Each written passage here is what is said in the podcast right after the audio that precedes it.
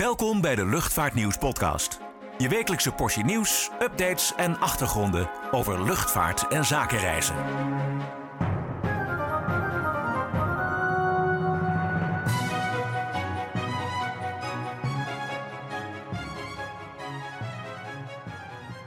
Hallo en welkom bij de Luchtvaartnieuws podcast. Mijn naam is Klaas-Jan van Voerkom en ik word weer bijgestaan door mijn collega Niek Vernooy. Deze week gaan we het onder andere hebben over de IATA-top, verplichte vaccinaties om te vliegen, de ruzie tussen Corendon en Sunweb en de jarige Fokker F-27 Friendship. Deze week vond weer de IATA-top plaats. Elk jaar spreken topmanagers uit de luchtvaart elkaar op één congres en dit jaar zou dat in Amsterdam zijn. Vanwege de coronacrisis moest het evenement echter virtueel worden gehouden, dus geen recepties, borrels en gesprekken in de wandelgangen, helaas. Zoals altijd werd er weer gesproken over verschillende onderwerpen, waaronder de financiële status van de luchtvaartsector. En die ziet er, vanwege dezelfde coronacrisis, niet bepaald florisant uit. Niek? Klopt, eh, IATA geeft regelmatig prognoses over de opbrengsten in de luchtvaartsector. Maar door uh, corona moeten de getallen steeds worden bijgesteld. De voorspelling is nu dat luchtvaartmaatschappijen over heel 2020 uitkomen op een gezamenlijk verlies van bijna 119 miljard dollar. Uh, voor 2021 wordt een licht herstel verwacht, maar ook dan zal het verlies voor de sector nog zo'n 39 miljard dollar bedragen. 119 miljard, of u eventjes wil pinnen, hè, een behoorlijk bedrag. Um, en de IATA voorziet dus dat de luchtvaart zich pas in 2024 weer op het niveau van voor de crisis bevindt. Wat moet er voor die tijd gebeuren? Ja, als eerste pleit IATA voor een wereldwijd testregime waarbij reizigers voor en na vertrek worden getest op corona. Op die manier moeten de grenzen snel open kunnen, zodat het toeristische en zakelijke vliegverkeer weer op gang komt. Voorwaarde is dan wel dat de nationale overheden die test betalen, aangezien reizigers anders zelf 80 tot 150 euro extra kwijt zijn aan hun reis. Ja, en dan was er nog een eh, belangrijke wisseling van de wacht aan de top. IATA-voorzitter Alexandre de Juniac die gaat weg. Waarom? Ja, ik vind het een mooi moment om af te zwaaien. Hij is sinds 2016 in dienst en vindt dat een ander het herstel van de luchtvaartsector in goede banen mag gaan leiden. Ja, nou, de Juniac die uh, kennen we nog als topman van Air France KLM. Dat was hij hiervoor.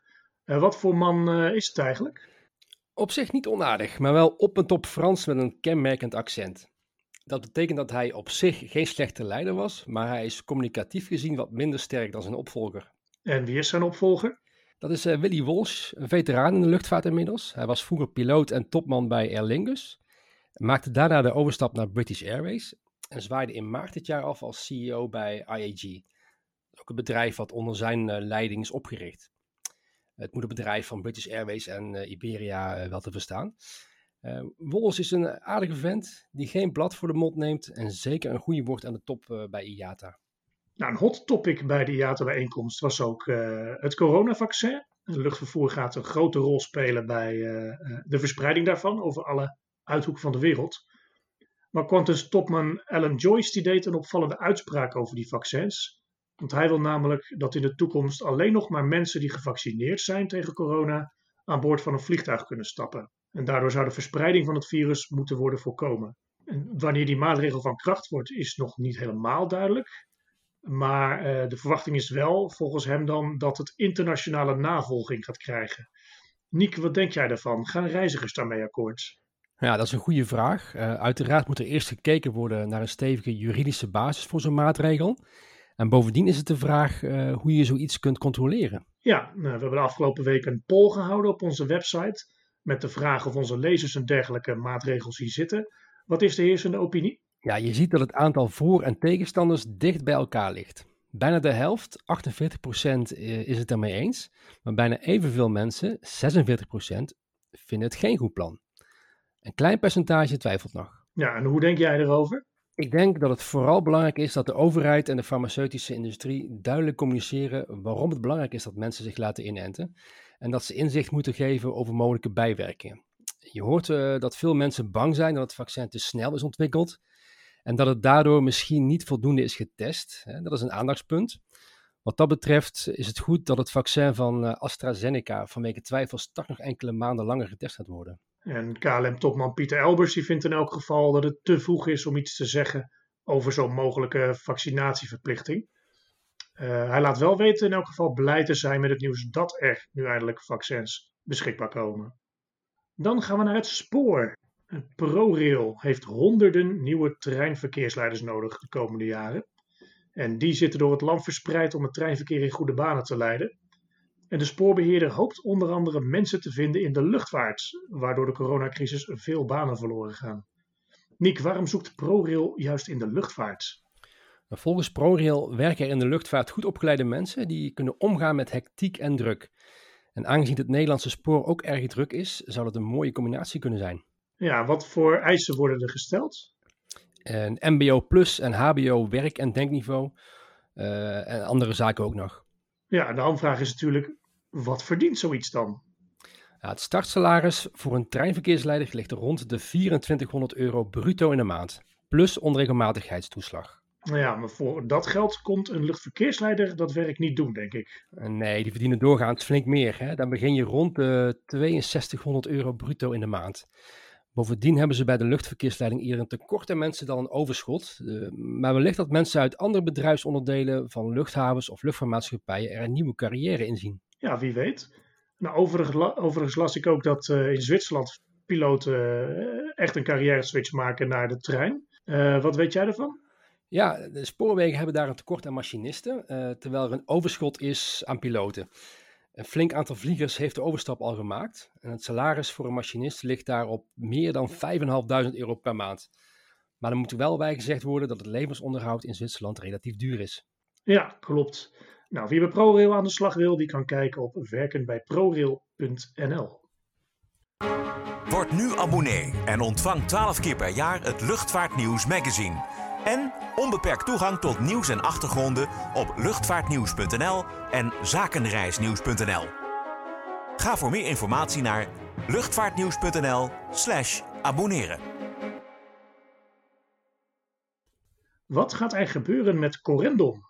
Dat is de vraag, aangezien de overname door Sunweb onderwerp is van een rechtszaak die deze week diende. Deal leek zo goed als rond, maar vlak voor de deadline haakte Sunweb af.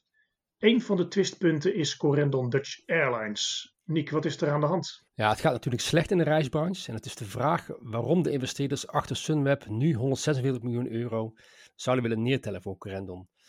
Nou, zoals je al zei, is er ook een meningsverschil over Corendon Dutch Airlines, de Nederlandse luchtvaartmaatschappij die met drie Boeing 737-800's vliegt. Ja, want Sunweb heeft geen eigen vliegtuigen, dus je zou zeggen handig om te hebben. Want je bent dan niet afhankelijk van andere maatschappijen en je kunt reizen verkopen naar eigenlijk elke bestemming die je wilt. Ja, want TUI doet dat ook. Inderdaad, en daar zal het ook niet aan liggen, maar het is de vraag of Sunweb straks de huidige vliegvergunning van Corendon zomaar mag overnemen, of dat er bij de ILT een nieuwe moet worden aangevraagd. En dat kan een lang en duur proces worden. En waarom dan eigenlijk? Want je zou zeggen, het zijn exact dezelfde vliegtuigen. Ja, dat klopt, maar de ILT wil onder andere een businessplan zien uh, voordat er goedkeuring wordt gegeven. Ja, nou, Corendon stelde in de rechtbank uh, dat zoiets een formaliteit is. Maar Sunweb die wil dus meer zekerheid, zeggen ze. Uh, terwijl Corendon vermoedt dat het eigenlijk gewoon een manier is om onder de deal uit te komen. dat ze op dit moment, terwijl de markt is ingestort, niet al die miljoenen hoeven te betalen. Ja, dat zou op zich niet onlogisch zijn. Nee. Nou, de rechter doet op 7 december uitspraak. Het kabinet gaf deze week goedkeuring aan de luchtvaartnota 2020-2050, die in mei al werd gepresenteerd. Kernpunt is onder andere het verminderen van het aantal nachtvluchten om zo de overlast voor omwonenden, omwonenden te beperken. Niek? Ja, het is de bedoeling dat het aantal nachtvluchten geleidelijk wordt beperkt van 32.000 nu naar 25.000 per jaar. Nou, dat lijkt mij vooral vervelend voor chartermaatschappijen, die vooral vroeg in de ochtend en aan het begin van de nacht vluchten uitvoeren, toch? Ja, maar ook uh, KLM is er niet blij mee. Ze hadden eerder toegezegd mee te werken aan het plan als voorwaarde voor de 3,4 miljard euro uh, aan uh, overheidssteun. Maar nu krijgen ze het dekseltak op de neus. Hoezo? Nou, KLM zegt deze toezegging te hebben gedaan onder de voorwaarde dat, dat de nachtvluchten naar de dag verschoven kunnen worden. En daarbij is volgens KLM niet de beperking ingesteld dat het niet naar de dagranden zou kunnen, zoals nu in de luchtvaartnota wordt gesteld. Daarin staat letterlijk minder nachtvluchten tussen 11 en 7 uur, zonder verschuiving naar de randen van de nacht. Onder randen van de nacht wordt verstaan van uh, 10 tot 11 uur s avonds en van 7 tot 8 uur s ochtends. Ja, en, en waarom is dat een probleem? Ja, KLM heeft een businessmodel dat grotendeels is afgestemd op de dagranden. Dus het begin van de ochtend en het einde van de avond. Ochtends vroeg landen er veel verre vluchten van KLM en partnermaatschappijen zoals Delta Airlines op Schiphol. Om bijvoorbeeld reizigers uit Amerika uh, vroege doorverbindingen naar de rest van Europa te kunnen bieden. als die, uh, als die verre vluchten pas na acht uur mogen landen, uh, dan stort dat systeem eigenlijk in. En daardoor verslechtert de positie van KLM. Ja, en opvallend genoeg heeft minister van Nieuwenhuizen deze week gezegd dat de discussie over de mogelijke groei van Schiphol maar door het volgende kabinet gevoerd moet worden. Ja, dat is inderdaad opvallend, maar aan de andere kant zijn de verkiezingen al uh, in maart volgend jaar. Ik verwacht overigens niet dat een nieuw kabinet een radicaal andere koers gaat volgen over Schiphol. Ja, nou, we gaan het afwachten. Hopelijk uh, handelt het nieuwe kabinet verstandig. Nou, we hadden deze week ook een jarige, de Fokker F27, beter bekend als de Friendship. Klopt, het was maandag alweer 65 jaar geleden dat de Friendship voor het eerst vloog. Nou, die tijd gaat uh, behoorlijk snel, want uh, toen waren wij nog lang niet geboren. Ja, nee, wij zijn meer van de generatie Fokker 50, denk ik. Nou ja, dat uh, vermoed ik ook. Wat heeft de Friendship eigenlijk betekend voor de Nederlandse luchtvaart? de Friendship is nog steeds het succesvolste Nederlandse verkeersvliegtuig ooit. Met 787 gebouwde exemplaren, als je de toestellen erbij optelt die in Amerika in licentie bij Fairchild zijn gebouwd. Het type werd vlak na de oorlog ontworpen als een opvolger voor de DC-3 Dakota en was wereldwijd in gebruik. Ja, en ook in Nederland was die behoorlijk populair, toch? Ja, zeker. Dat moest ook wel uh, natuurlijk. Uh, de NLM, uh, die later opging in KLM Cityhopper, Schreiner, XP Express Parcel Systems, de Koninklijke Luchtmacht, Philips en de Nederlandse regering vlogen onder andere met het type. Ja, nou inmiddels vliegt de Friendship niet echt veel meer, hè? Nee, maar dat is ook logisch gezien de hoge leeftijd van het type. Ja, en kunnen we de Friendships nog ergens in Nederland bewonderen überhaupt? Zeker, er zijn er twee in het Aviodroom. Eentje op Schiphol-Oost, eentje in het Nationaal Militair Museum in Soesterberg. En er is een toestel ingericht als bed and breakfast in uh, Hogerijde, bij Woensdrecht is dat. En onlangs landde er een toestel van de Amerikaanse luchtmacht op Lelystad Airport, dat door de stichting Vliegend Nederlands Cultureel Erfgoed hierheen werd gehaald. Dat is dan ook de enige luchtwaardige Fokker 27. Nou, genoeg mogelijkheden dus om er eentje van dichtbij te bekijken. Goed, dat was het weer voor deze week. Nog even ten overvloede. Als u nog geen abonnee bent, spoed u naar luchtvaartnieuws.nl/slash abonneren. Daar vindt u al onze abonnementen voor zowel offline als online uitgaven. En abonneer u uiteraard ook even op deze podcast. Dank voor het luisteren en tot de volgende week. Bedankt voor het luisteren naar de Luchtvaartnieuws podcast. Voor opmerkingen, vragen of suggesties, mail ons redactie@luchtvaartnieuws.nl. Een fijne dag en graag tot de volgende podcast.